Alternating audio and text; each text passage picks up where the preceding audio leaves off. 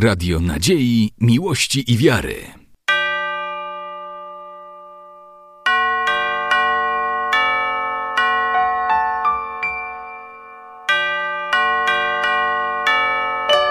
Radio Ortodoksja.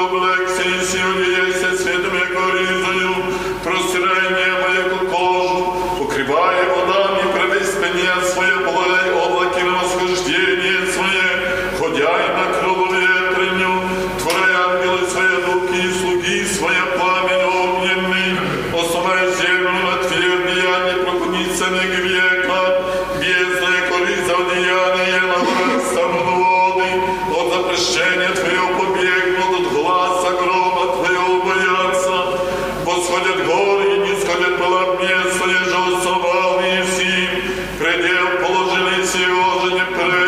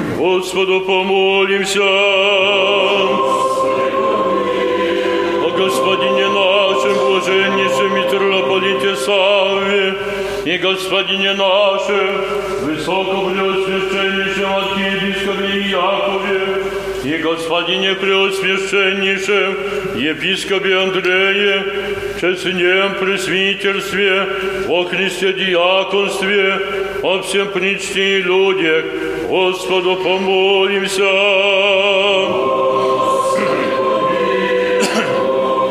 о граде всем всяком граде стране и верою живущих в них. Господу помолимся. О благорасходении воздуха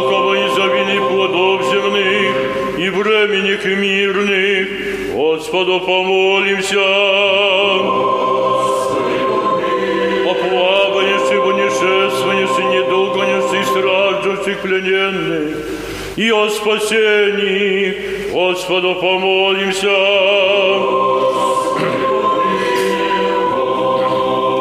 А избавиться нам от всякие скорби, гнева и нужды, Господу помолимся.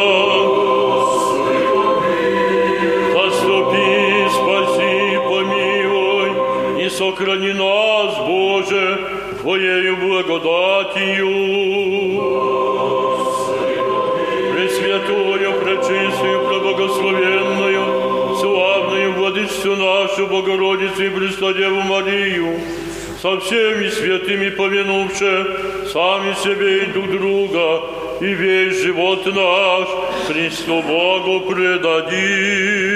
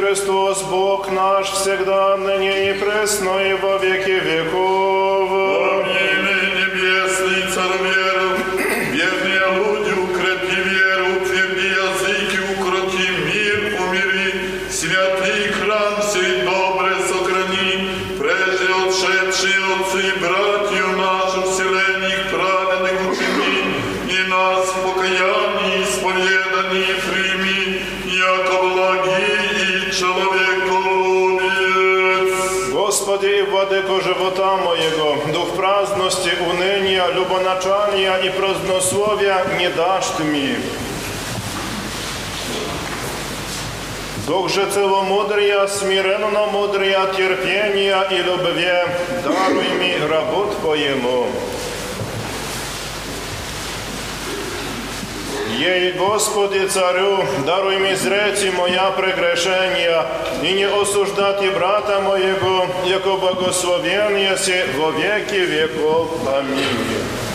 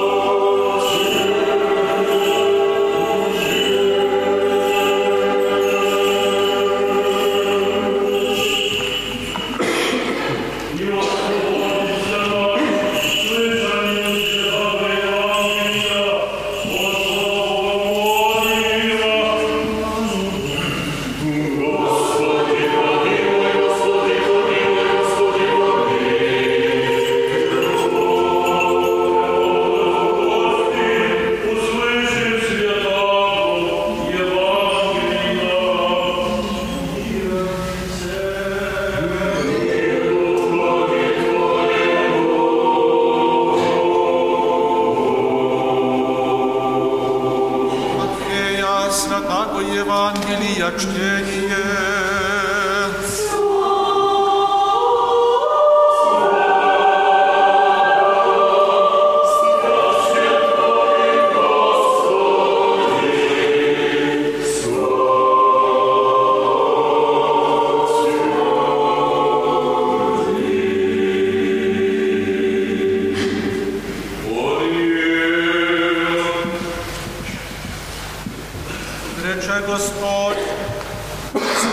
своим ученикам, если яко по твою дню Пасха будет, и Сын Человеческий предан будет на пропятие, тогда собравшись архиереи, книжницы и старцы людские, во двор архиереев, глаголем ако Каиафы, и совещаша на, да Иисуса лестью ему ты убьют, глаголов уже но не в праздник, да не молва будет в людях.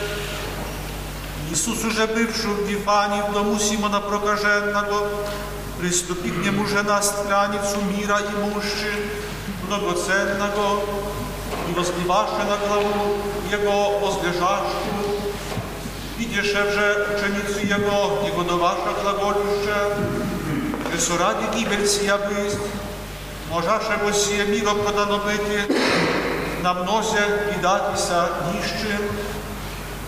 Разумев же Иисус рече им, что труждаете жену, доброго дела соделала мне, всегда бо нищия имате с собой, мне же не всегда имате, возлиявшего сия мира сия на тело мое, на погребение мясо твори. Аминь, глаголю вам, и где же аще проповедано будет Евангелие сие во всем мире, речется, и еже сотвори сия памятия. Тогда шед един от обою натиск, где глаголемый Иуда Искариотский, во архиерею, рече, то ми пощете, дати и аз вам предам его, ниже поставиша ему 30 сребреник, и от то ли искаше подобно времени, да его предаст.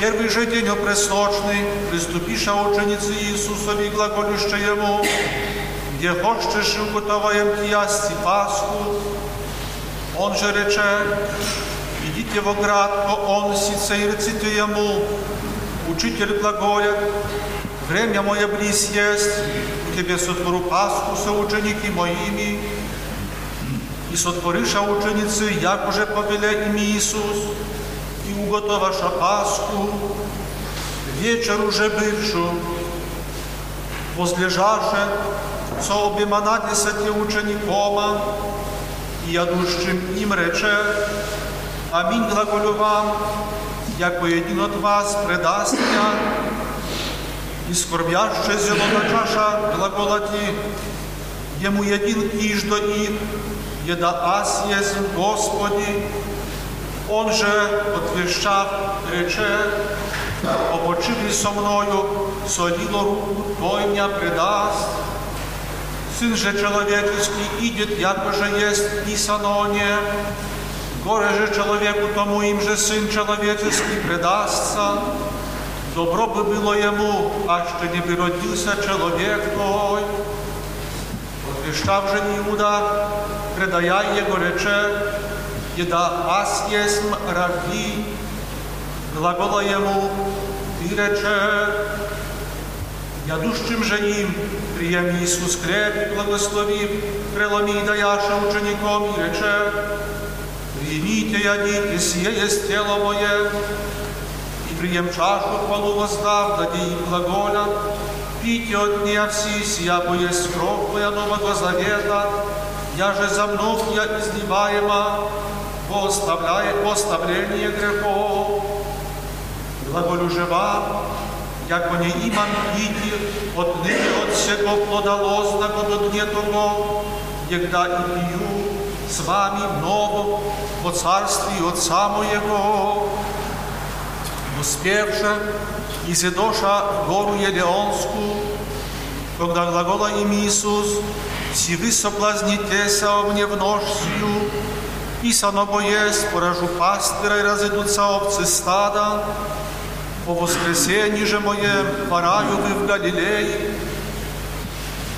Отвещав же Петр, рече ему, а ще и все соблазнятся от тебе, аз никогда же соблазнюся.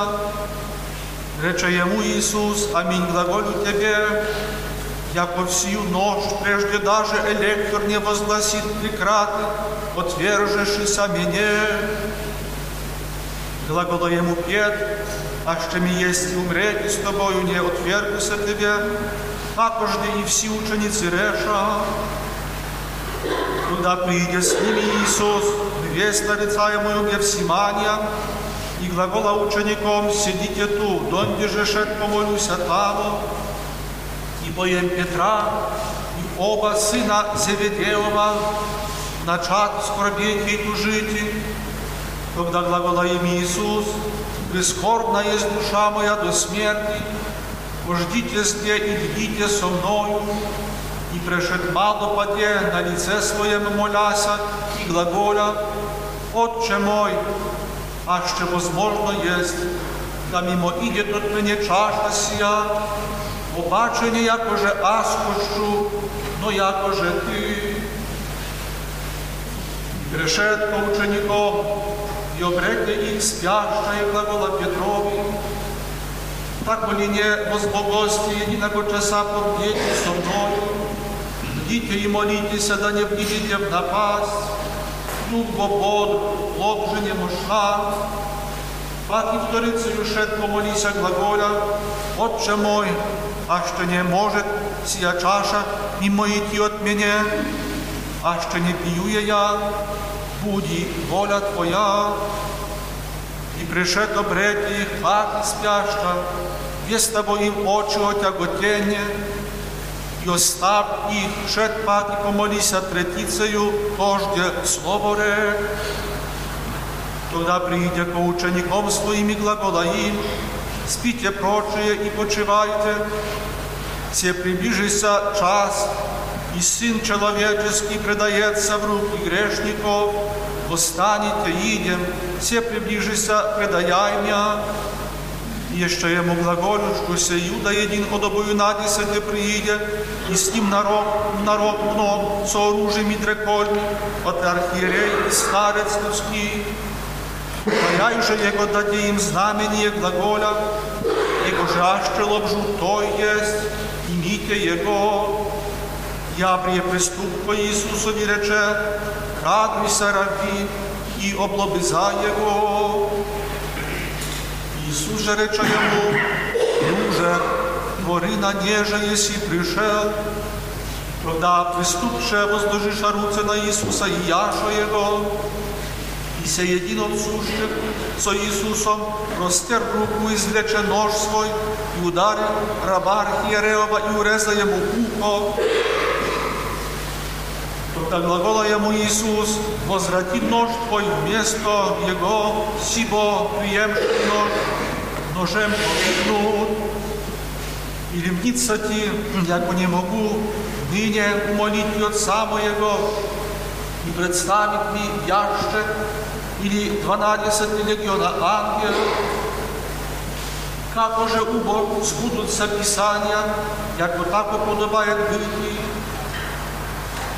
той час рече Ісус народом, яко на разбойника не изидости со оружием и дрекольми якиня, обсякни при вас, седлев в церкви, и не ясти мне, все же все быст, да сбудется Писание пророческое, когда ученицы все оставшие его бежаша, Воїні же, євши Ісуса Ведоша к Каяфі архієреові, і де же книжниці і старці собрашася, хет же ідяше по нем издалеча вот до двора архиереова, и všet внут сидяше со слугами, видеть и кончину.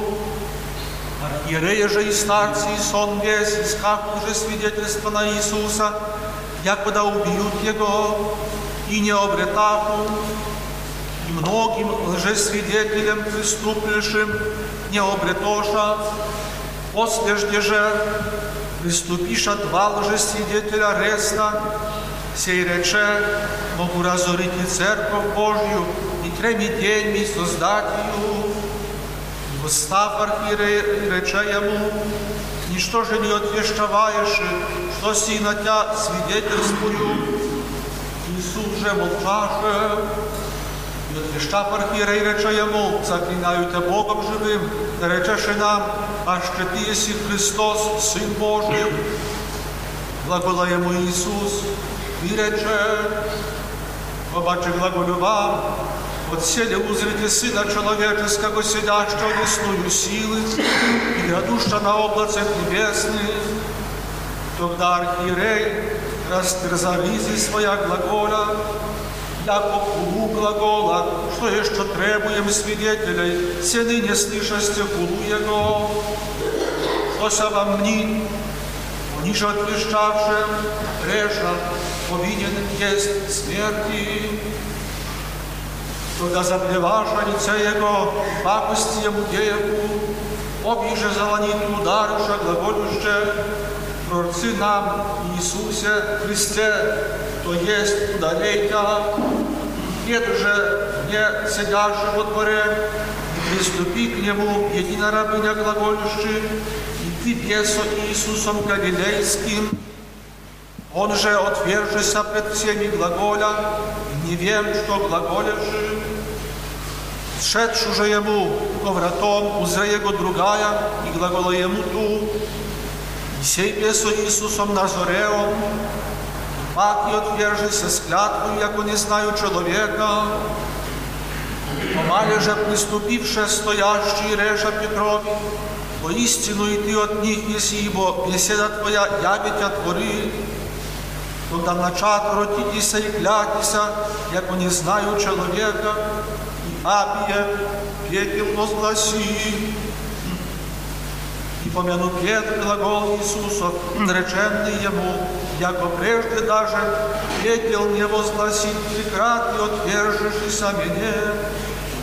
И шед вон плакася горко, утру же бывшу, Совет сотвориш архиерея и старцу Сына Иисуса, яко убити Его, и связавши Его ведоша, и предаша Его понтийскому Пилату и Гемону, Тогда, видев Иуда, предав Его, яко осудиша Его, раскаяться, возвратит тридесять сребреных и архиереев и старцем глаголя, согреших предав кровь неповинную, они же решат, что есть нам, ты узреши. Поверх сребреник церкви отвидя, и шед удавися. Архиерея же, приемши сребреник и реша, и достойно есть сложить их порвану, понеже цена крови есть. Совет же сотворше, пиша ими село скудельниче, погребание странным, тем же наречеш, наречеся село то, село крови до сего Да сбысся реченное Иеремием пророком глаголющим, и прияша тридесять сребреник цену цененного, его же цениша от сынов Израилев, и даша я на селе скудельничи, яко же сказал мне Господь, Исус же ста пред Егемоном и вопроси его Егемон глаголя, ты ли еси царь иудейский? Исус же рече ему, ты глаголеши, и егданань глагола в архиереи и старцы, и часо же отвещаваше, тогда глагола ему Пилат, не слышишь ли, коliko на тя свидетельствуют, и не отвеща ему ни единому глаголу, яко не види се Егемону зело, на всяк же праздник, обычай пе и демону отпущать единого народу связня, его же потяку, и мяку же тогда связано нарочито глаголем Барабу, собранным же им, рече им Пилат, коли хочете обою отпущу вам, Барабу ли, или Иисуса Христа, видяше бо яко зависти ради предашу Его, сидящу же ему на судище, посла к нему жена его глаголющая, Ничто же тебе и праведнику тому много бы пострадав, не спасне его ради. Ереи же и старцы, да устиша народу, да и спросят Вараву, Иисуса же погубят, Звіщав же і демон рече їм, що хочете от, кого хочете от побою, отпущу вам. Oni же реша правду, Глагола и Пилат, что убо сотвору Иисусу глаголевому Христу, глаголаша ему все, да распят будет. И демон же рече, кое убо зло сотвори, они же излиха в опияку глаголюще, да пропят будет. Видев же Пилат, яко ничтоже успевает, но паче молва бывает, прием воду умируться пред народом глаголя, не повинен есть в крови праведника, праведного сего и узрите, и отпещавшись люди реша кровь его на нас и на чадях наших, когда отпустим ворав, Иисуса же бив предаде им, да его пропну, Тогда воїни і демонови, приємши Ісуса на судище, собраша нань все множество воїн, и совлекше Его, одеяша Его хламидою червленую, и спрятши от терния, возложиша на главу Его и трость в десницу Его, и поклоншися на колену пред Ним, ругай, куся Ему глаголюще. Радуйся, цару Иудейский, и плюнувши на прияша трость, и бияку по главе Его, и когда поругавшися Ему совлекош с Него по границу, и облекоша Его низ Его, и ведоша Его на пропятие, исходяще же обретоша человека Иудейска, именем Симона, и сему задеша понести крест Его, и пришедший на место нарицаемое Голгофа, еже есть глаголем кране его место, даша ему пить и оцет с желчью смешен, и вкус не хотяше пить, распенши же его, раздедиша рызы его, вергше жребия, и сидяще стрижаху его ту, и возложиша вверху главы его, вину его написану,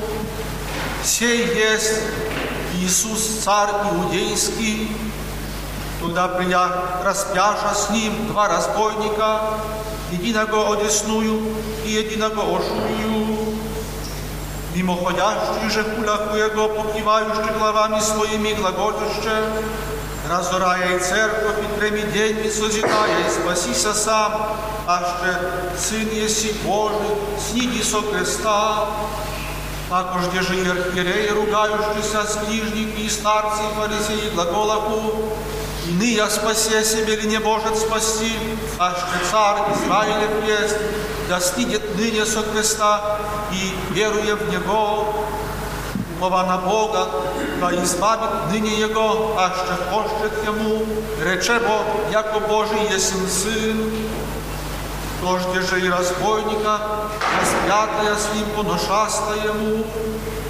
От шестого же часа тьма бысь по всей земли до часа девятого. По девятом же часе возопи Иисус гласом день глаголя, «Иди, иди, лима савахвани, еже есть Боже мой, Боже мой, скую меня еси оставил, нет же от слышавших глаголовку, яко Илью глашает je тек един от них, и прием губу, исполнив же отста, и вонесе на трость напаяша его, прочую же глаголовку остави да видим, а ще приидет Илья спасти его. Иисус же пак и возопив гласом велим, и спусти дух. И се завеса церковная раздрася над боем, свиштего края до нижнего, и земля потрясеся, и камени распадеся, гроби отверзошися, и много телеса усопших святых воссташа, и сшедша из гроб по воскресении Его, гнедоша во святый град и явишася носем, сотник же и иже с ним, стрегущий Иисуса, видевше трус, и бывшая, убоявшаяся зело глаголюще, поистину Сын je Божий сей. Як уже тут, и жени многие издалеча зраще, я же и доша по Иисусе от Галилеи, служаща Ему, Мария Магдалина и Мария Яковля, и Йоси, мать и мать и сыну Зеведеову. После же придет человек богатого Ремафея именем Йосиф, и же и той, учися у Иисуса, сей приступ Пилату, просителя се Иисусова. Туда Пилат повеле дать тело, и прием тело Иосифа, битве плащаницею чистую, и положи je новим своем гробе, и же иссече камени, и, звали, и возвали камень, вели над двери гроба отвиде, где же tu Мария Магдалина и други, другая Мария, сидящая прямо гроба. По утре же день, и же есть по пятце, собравшися архиереи и фарисеи к Пилату глаголюще, Господи, помянухом яко льстец, он рече еще сы жив, потрije гнев постанут, повели убо утвердите гроб до третьего дня, да не како пришедшие ученицы Его ночью украдут Его и рекут людям восста от мертвых, и будет последняя лезь горша первая. Рече же им Пилат, имате кустодию, идите, утвердите, яко же действие. Они же шедше, утвердиша гроб, знамена ваше камень с кустодией.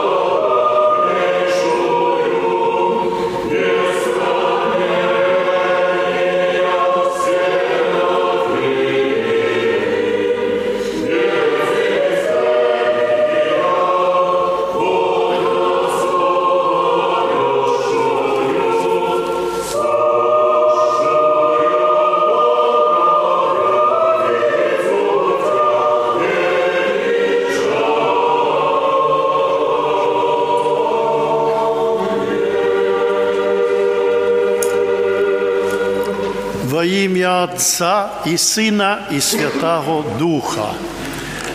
Милостью Божией дождались мы сегодня совершить первую пассию в этом году. Слово «пассия» означает «страдание». Это специальная служба, посвященная страданиям Господа нашего Иисуса Христа. На протяжении всей истории человечества было много страданий людей. Через страдания люди обретали высший смысл жизни. Апостол Павел говорил, «Ныне радуюсь в страданиях моих за вас и восполняю недостаток плоти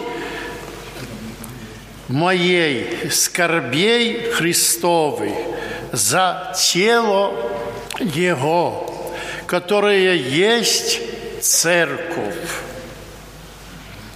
Апостол Павел подтверждает, что Господь пострадал за людей, искупил их от греха, проклятия и смерти, основал на земле церковь свою, которая есть тело Его. Она от начала терпит испытания и страдания.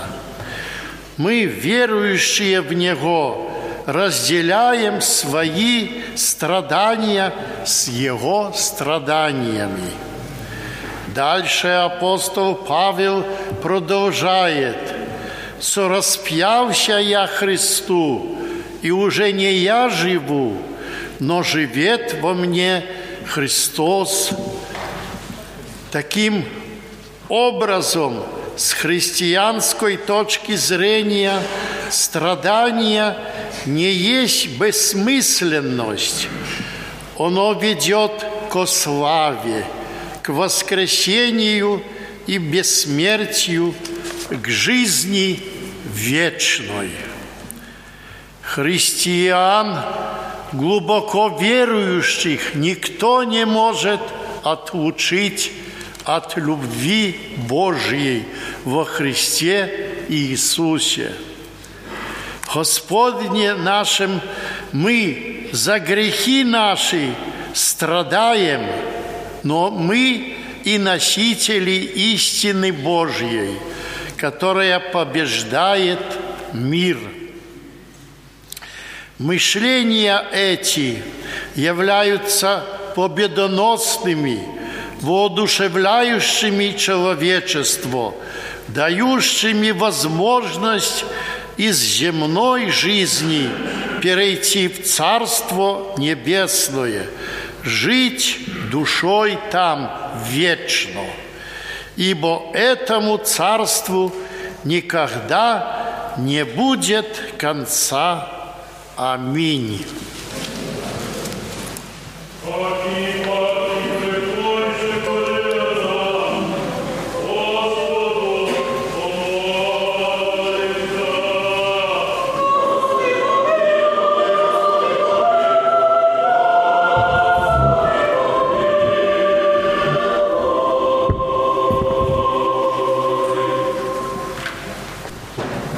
на кресте, пригвожденный за ны Иисусе Христе, единородный Бога Отца Сыне, милости, любви и щедрот неисчерпаемая бездна, Wiem, jako grzechów raди moich od неизреченного человеколюбия кровь свою пролияти на кресте, изволил еси людям, и, и уже аз, окаянный и неблагодарный доселе, скверными моими делы попирах, и ни во что же в меня, кем убил из глубины, бесконеч, беззакония и нечистоты моя, умныма очима на распятого Тя на кресте Искупителя моего, возрев со смирением, верою во глубину язды Твоего милосердия, исполненных себе повергаю, грехов прощения и скверного жития моего исправления прося,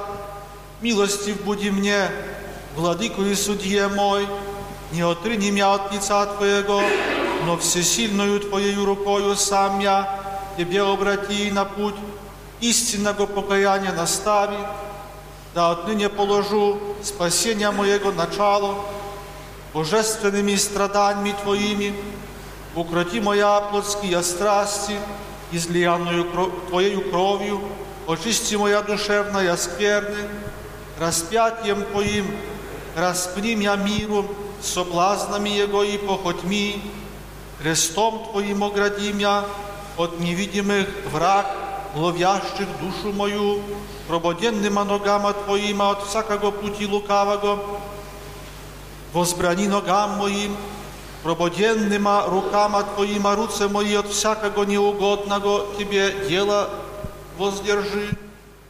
Пригвожденный плотью, пригвозди страху Твоему плоть мою, да уклонився от зла Твору благо пред Тобою, преклонив и главу Твою на кресте, к земли смирения преклони вознесенную мою гордыню, венцем Твоим терновным, огради моя ушеса, бо еже не слышать и кроме полезного, желчь устами вкусивый, положи хранение нечистым устом моим, отверстое копием имея сердце, сердце чисто созижди во мне всеми Твоими язвами, всего меня сладце в любовь Твою уязви, да Тебе, Господа моего, возлюблю всею душею, всем сердцем, всею крепостью и всем помышлением, дашь мне себе странное и неимуще, где главы подклонить, дашь мне себе все благаго, избавляющего душу мою от смерти, дашь мне себе